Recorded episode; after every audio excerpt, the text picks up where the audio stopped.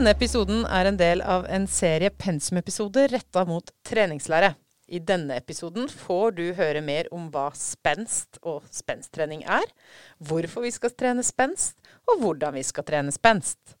Jeg heter Solfrid Bratland Sanda. Jeg er professor i idrettsvitenskap og fysisk aktivitet og helse ved USN studiested Bø. Og med meg for å snakke om dette temaet, så har jeg Eva Maria Støa, som er førsteamanuensis i idrettsfysiologi, og Peter Jørgensen, som er universitetslektor i idrett. Og begge dere jobber også her ved USN studiested Bø. Velkommen til dere. Tusen takk. Takk. Og begge dere har jo også vært her før. Eh, Eva, hva er spenstrening? Jeg kan begynne å si litt om hva, hva spenst er først. Eh, det er rett og slett eh, evne til å akselerere kroppsmassen hurtigst mulig. Eller eh, så kan man også si at det er evne til å hoppe langt eller å hoppe høyt. Um, når man går på de faktorer som er mest bestemmende for spensten, så, så har jo det litt mye av de samme faktorene som påvirker styrken vår. Altså det går på både muskeltversnitt og evne til det med frivirringsfrekvens og litt med muskelfibertypesammensetning og sånne ting. Nå fikk vi en ganske god forklaring på bestemmende faktorer for eh, styrke eh, i en annen podkast eller en annen episode, så man kan anbefale kanskje å lytte litt mer til den for å få eh, liksom, fysiologisk forklaring på styrke. For det, det, styrke, spenst og hurtighet, det, det henger eh, tett sammen. Mm. Ja. Og, og, så er det jo dette med eh, alt mangfoldet av eh, Altså hva er vi trenger spensten til? Eh, vi satt her og snakka før vi starta opptaket om både at eh, vi har vertikal spenst og horisontal spenst, at vi har idretter hvor du skal hoppe maks én gang. Eh, altså skihopp eller et, eh, et lengdehopp i friidrett. Eh, og du har idretter hvor du trenger å hoppe så høyt som mulig fryktelig mange ganger over ganske lang tid, som f.eks. en volleyballkamp.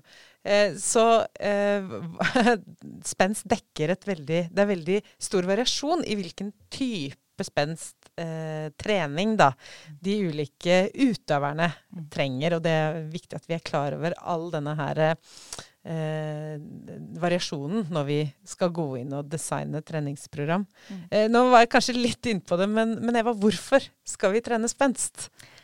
Først og fremst I en sånn idrettsprestasjonssammenheng så er det jo altså, Hvorfor man skal trene spenst, det er jo litt avhengig av hvilken idrett man driver med. Og ulike idretter stiller, stiller ulike krav til spenst. Så om det er volleyball, eller om det er skihopp eller høydehopp, så stiller litt ulike krav til spenst. Og da må man jo rett og slett eh, se på hvilke arbeidskrav den idretten eh, stiller. Og det vil jo påvirke i hvilken grad du bør trene spenstrening eh, eller ikke. Mm. Mm.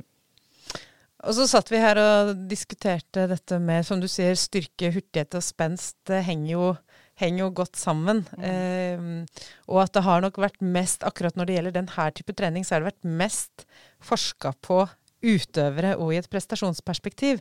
Sånn at spenst som en faktor inn i mer mosjon og helserelatert trening, det har ikke vært et like stort fokus, eh, så vidt vi har klart å finne i den litteraturen som finnes. Da.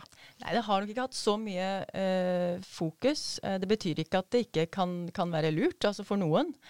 Eh, men det er klart at man, det er nok ikke så vanlig et helseperspektiv. Man fokuserer nok mer på styrke.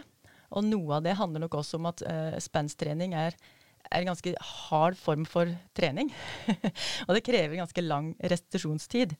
Så til og med utøvere på veldig høyt nivå har sjeldent mer enn eh, to, kanskje tre økter med spenst uh, i uka, fordi det, det, er ganske tøff trening, da. Mm. Men det betyr ikke at det uh, kan være lurt for andre også å trene spenst. For det er jo noe med det å utvikle kraft hurtig, som mm. vi har mm. vært inne på tidligere. Eh, som vi kan måle som rate of force development, som Øyvind var inne på. Mm. Eh, det har jo veldig stor innvirkning på hvor fort vi kan ta oss inn, f.eks. Mm. Så, så spensttrening kan jo også øke den evnen til å utvikle kraft hurtig, som vi uh, snakket om en del tidligere. Mm. Så at det vil være effektivt, uh, ja. Eh, men om man i alle sammenhenger skal anbefale det, kanskje ikke. Mm. Da bør man i så fall trene en del styrke først, tenker jeg da. Og det gjør mm. man jo ofte som utøver også for å unngå skader. Man trener eh, gjerne dynamisk tung styrketrening ved siden av spensttrening. Både fordi det påvirker spensten, men også fordi kan, uh, man kan unngå å bli skada. Mm. Peter? Ja, og det stemmer jo. Og hvis du tenker på øh, hvilken øh, gruppe, hvilken målgruppe vi snakker om, så kan vi ha alt fra børn, vi kan ha ungdommer, vi kan ha folk som er utrente, og så kan vi jo ha helt opp til måske vores elitespillere, internasjonale spillere. Ekstremt stor forskjell. Og hvis man liksom skulle tenke på spenst for de yngste og for nybegynnerne, så kunne det måske være vel så viktig å jobbe litt med rett og slett de der koordinative egenskaper, få den riktige teknikk, mm.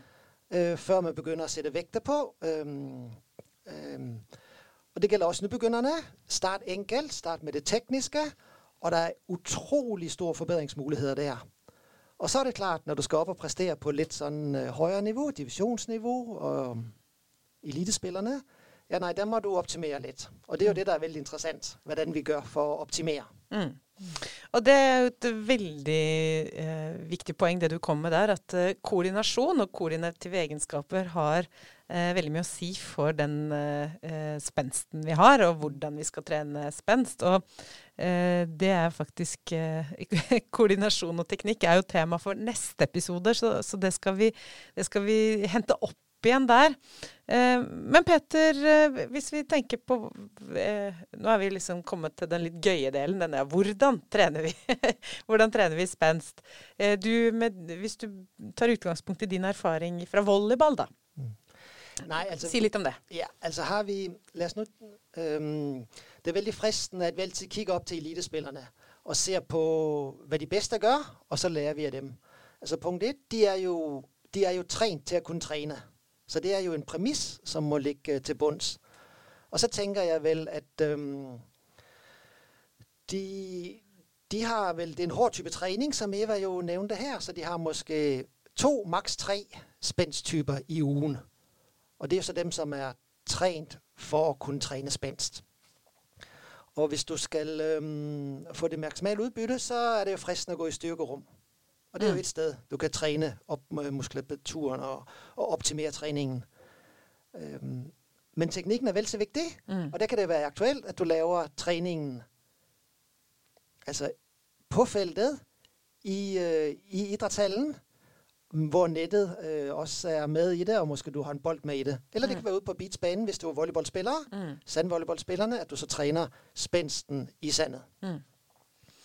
Og eh, dette med hvilke andre egenskaper som uh, påvirker spensten når du, når du, skal ha evne til å hoppe så høyt som mulig, fryktelig mange ganger, eh, så er det kanskje en, um, et premiss at du Eh, at du, du skal hoppe, kunne hoppe høyest mulig for å ta de blokkene eller smashe i, i, det siste settet også, og ikke brenne av alt i starten. Eh, og da ligger jo f.eks. Eh, andre viktige egenskaper som eh, muskelstyrke, som vi snakka om, men også utholdenheten din eh, påvirker dette. Så alle disse fysiologiske egenskapene henger jo, henger jo i hop. Mm. Eh, ja, Eva? Mm. Ja, det er absolutt. Uh, nå er det jo f.eks. Uh, man ser at, de, at disse egenskapene henger sammen. Da, for å eksemplifisere det litt mer. At man, sånn som horisontale uh, spenstøvelser ser ut til å korrelere bra med akselerasjonsevne som en hurtighetsegenskap. mens god da vertikal ser ut til å korrelere best med toppfart. Eh, så ting, ting eh, henger sammen. Um, nå har vi ikke, jeg vet ikke om vi har vært inne på mer sånn generelle eh, treningsprinsipper for, for spensttrening. Ta oss gjennom det. ja, men, altså, hovedretningslinjen er vel at man uh, skal uh, trene spensttrening hvis hovedmålet med økta er å øke spenst. Så bør man jo gjøre det når man er uthvilt. Det er hovedretningslinjen. Eh, for å virkelig ha en effektiv effekt på evne til å hoppe høyt eller langt, så eh, bør man nok ha ganske få repetisjoner kanskje én eh, til fem-seks. Eh, Fire-fem serier. Og så litt avhengig av hvilken idrett og hva som er målet. Kanskje man skal kombinere ulike øvelser, men ikke for mange. For totalbelastningen bør ikke bli for stor, for da går bare effektiviteten ned. Eh, men også lange pauser. To-tre minutter pause mellom hver eh, serie. Og et annet veldig viktig poeng der er at det er på en måte litt maksimal mobilisering som gjelder der også. Mm. Eh, og da må utøveren være veldig konsentrert. Eh, og trener må sørge for at utøver faktisk klarer å, å, mobilisere maksimalt. Så hvis man skal gjøre dette med hekkehopp f.eks., så bør jo da hekkene være såpass høye at man akkurat klarer å hoppe over. Da må utøveren både være veldig fokusert, og man yter, man mobiliserer faktisk eh, maks. Det gir en veldig god effekt på, på, på spenst. Ja, og de prinsippene, hvis vi skal trekke tilbake til disse treningslæreprinsippene som vi har snakket om før, så, så eh, også for å ta med det Peter nevnte, så er jo prinsippet om spesifisitet er jo kjempevesentlig her. Altså hvilket underlag er det idretten din holder til på? Er det, er det beachvolley på sand? Eller er det, er det innendørs volleyball som er på et uh, halvgulv? Mm. Eller er du en uh, friidrettsutøver i høydehopp eller lengdehopp som uh, løper ute på et tartandekke på mm. friidrettsbanen? Alt, alle, det, det, er liksom ett punkt ved dette med spesifisitet. og så er det jo dette med hvor, ja, hvor mange ganger er det? Er det én maksimal? Uh, F.eks. i høydehopp. Du skal over den lista, og da er det noen minutter til neste gang du skal over. Enten om du reiv eller om du skal legge, legge lista enda høyere. Eh, sånn at alle de tingene eh, om spesifisitet er kjempevesentlig. Ja, Peter? Ja, nei, det, det, er jo utrolig spennende det du kommer inn på her, fordi um, altså Hvis du hopper høyt inn i, uh, inn i idrettshallen på volleyballbanen, så hopper den samme personen også høyt ute på sandet. Altså, det, det, det vet vi. Men hvis du er en sandvolleyballspiller, så skal du også være udholden, og du skal også kunne hoppe højt i slutningen av kampen. Så der er det, øh, der er det igjen det her med å finne ut av hva er egenarten i den idræt, og hvordan skal vi så legge opp træningen derefter. Så, øhm, så, så det er forskjellig. og vi, vi kender det jo fra innendørs volleyball, at du må ha dem, der hopper højt, sånn kontinuerlig gjennom hele kampen, og så har du måske en stjernespiller, du kan putte ind, på, på nogle positioner i banen, som skal hoppe højt for ligesom at afslutte den sidste afsluttende bold. Mm. Den mulighed har du ikke ude på sandvolleyball. Nej. Mm. Så der må du både kunne hoppe højt, men du må også være udholden, og så må det jo balanseres. Mm. Det spesifitetsprinsippet som er kjempeviktig, for det handler jo også om, om, om skal du satse på to bein eller ett bein. Mm. Har du tilløp når du skal prestere? Har du tilløp eller ikke? Og så videre. Uh, og, og, hvis vi drar, drar, oss inn litt på testing, så er det også viktig at, uh, at måten man tester på, er uh, spesifikt retta opp mot altså hvilken test er det som er mest relevant å bruke. Mm. Så f.eks. For, for en volleyballspiller som bruker kanskje aktivt armsving i, i, en sats, så vil det være veldig relevant å bruke, teste det som heter counter movement jump eh, hvor man bruker aktivt eh, armsving idet man hopper opp. Eh, mens for en skihopper som står litt mer stille i satsen, så vil jo også squat jump som en annen, annen måte å teste spenst på, være mer spesifikt. Så den eh, spesifisiteten handler jo også om når man skal teste dette her, så bør man jo velge tester som er så spesifikt retta mot uh, idretten eh, som mulig. Og da kan det også gjelde om man bør ha sats på ett bein eller to bein. Man kan jo teste sats på ett bein på en kraftplattform osv. Mm. Mm. Eh, det er jo noen andre prinsipper som også er vesentlige. som Vi, vi har vært innom de uten at vi nødvendigvis har nevnt de konkret. Eh, og for å nevne de konkret, da, så er det dette med belastning-tilpasning og eh, prinsippet om belastning-tilpasning, prinsippet om progresjon og prinsippet om restitusjon. Mm. Eva, kan ikke du ta oss litt mer igjennom hvordan, hvordan skal vi designe spensttrening ut fra de prinsippene, tenker du? Nei, det er jo Kanskje noe av det viktigste er jo hvem er individet. Eh, så det må individuelt tilpasset. Eh, og da må man jo uavhengig av altså, også avhengig av hvilket nivå, altså hvilke arbeidskrav da stiller denne idretten. Så må jo eh, det kravet, det å må nå det kravet, da må man tilpasse den treningen individuelt til, den, eh, til hver person. Eh, når man trener spenst, så bør man jo Ja, det bør være spesifikt, men det at det er spesifikt, betyr ikke at man ikke kan variere. Så du kan trene ganske spesifikt, men likevel variere en god del mellom øvelsene. Det kan være forskjellige underlag, eksempelvis.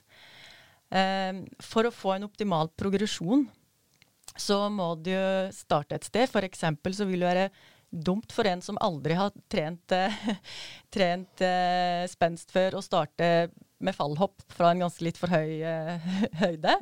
Man må starte på et litt lav, lavere nivå, og så må man tilpasse treningen sånn at man får en så optimal progresjon som mulig. Og i det med optimal progresjon så handler det både om hvor tøffe øvelsen er, men det handler jo også om eh, eh, optimal restitusjon imellom, selvfølgelig. Mm.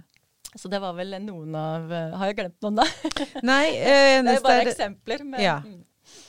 Mm. Og så er det dette prinsippet om restitusjon, for du snakka jo om at du trenger å ha ganske lange pauser mellom hver sånne maksimale mobilisering, og at det også er noe vi har Vi snakka jo litt om det når vi snakka om maksimal styrketrening òg, at eh, jo tyngre, jo, jo lengre tid trenger jo kroppen på å hente seg inn igjen for å kunne kjøre en ny maksimal mobilisering. Så mm, eh, Og det er jo et prinsipp som For når vi snakker om disse prinsippene, så er det jo ikke bare for å bedre idrettslig prestasjon, men det er jo også for å unngå skader. Mm. Eh, og Peter, du fortalte at det er jo gjort noen grep i volleyball, og hvordan man, hvordan man tenker trening i, i, volleyball med tanke på eh, hopp og Ja, kan ikke du si litt om det? Jo, for det er jo interessant, hvis, hvis vi tager eksempelvis volleyball. Altså er du ung og lovende, og liksom startet på volleyball, så kan det være veldig fristende å tenke oj, jeg må, blive, jeg må blive stærkere, jeg må få mere eksplosiv styrke, jeg må blive bedre på spændst, fordi så kommer jeg højere, og der skjønner jeg også, at jeg har chancer for at vinde flere bolddueller. Men øhm, du, du tåler jo ikke det her. Så alt, alt må tilpasses, som Mm. allerede er blevet sagt. Og det kan jo egentlig, jeg sidder og tænker på, det kan jo, de fleste klarer jo at tage satsen, men det er, øhm, du skal også lande igen, Mm. og der er det jo, skaderne kan komme. Og det har man jo så set på unge øh, gymnasielinjer, øh, hvor folk pludselig begynner at sætte alt inn på spændstræning, at de faktisk får noen øh, litt uheldige skader, som det tar lang tid å komme seg over. Og det, det er knæene, det går Mm. på. Så det er jo en av de typiske øh, belastningsskader, vi har i volleyball. Og det er jo for folk, som er ambitiøse, men går for rask i gang. Mm. Øhm, grebene, man tager her, det er jo indimellem, at man øh, fokuserer på andre ting af spillet, og nedtoner akkurat det her med, med sats og landinger, og gennemfører op til flere øgter i ugen, hvor man slet ikke hopper, bare for at træne de andre dele af spillet. Og her er der jo masse, der, der, det er jo, det er jo en idræt, hvor du må, må, du må have mange kompetencer for at lykkes, og det handler jo ikke bare om spænst alene. Så, øhm, så det må tilpasse. Det samme gælder jo fra, ja, vi kender det jo også, altså basket, håndbold. Mm. Mm. Altså det, det, du kan ikke bare trene ensidig spenst, så, så blir det en for hård, altså det blir for hård belastning for ledene. Mm. Og så er det jo som dere begge to har nevnt, at du må være, du må være trent for å kunne trene Mm. eh, enkelte treningsformer. Mm. Og spensttrening er en av de formene hvor man må være ekstra oppmerksom på det. Men uh, der var en ting, som uh, nevne, altså Eva, du nævnte jo, og jeg synes bare, det er så spennende, det her med, at, at du må kunne øh, øh, mobilisere maks. Uh, og så må du være motivert. Mm. Og der er det jo liksom interessant, hvordan fysiologien, altså i praksis, møter trenerrollen, Mm. som skal kunne være den gode træner, den gode pædagog, som faktisk kan gå inn og legge til rette for å yde maks, og kan motivere og legge til rette for, at utøveren også tar i max Mm. mm. hver gang. Mm. Så det er jo spændende, hvordan tingene henger sammen. Mm. Mm. Og jeg synes jo på en måte når vi, øh, den arbeidsplass vi går på, hvor vi både har øh, studieretninger, hvor du både, du, du kan liksom ikke bare være pædagogen, og du kan heller ikke bare være fysiologen. Du må faktisk gå inn og løse begge disse utfordringer når du skal lægge til rette for en nuftig spændstræning. Mm. Viktig, viktig poeng, ja. Ja, enig. Absolutt. Er det noe vi tenker at vi ikke har fått berørt enda når det gjelder eh, spenst, trening? Eh, Jeg tror vi har eh, vært innom det meste. ja. Min, Eller man kunne ha snakka veldig lenge ja, om det, men det kunne vi. det viktigste Ja. kanskje ja. Og minner studentene om at uh, det er fortsatt uh, Gjerseth sin uh, treningslærebok vi har på pensumlista, og den uh, legger vi jo link til i, eh, i eh, episodebeskrivelsen. Og minner om at eh, dette viktige som Peter tok opp med, med viktigheten av koordinative egenskaper, det er egentlig oppspillet til neste episode, som skal handle om koordinasjon og teknikktrening. Og da får vi med oss både Eva og Arnstein. Så da må dere da må dere lytte til den da Tusen takk, Eva og Peter, for at dere kom. Vi høres.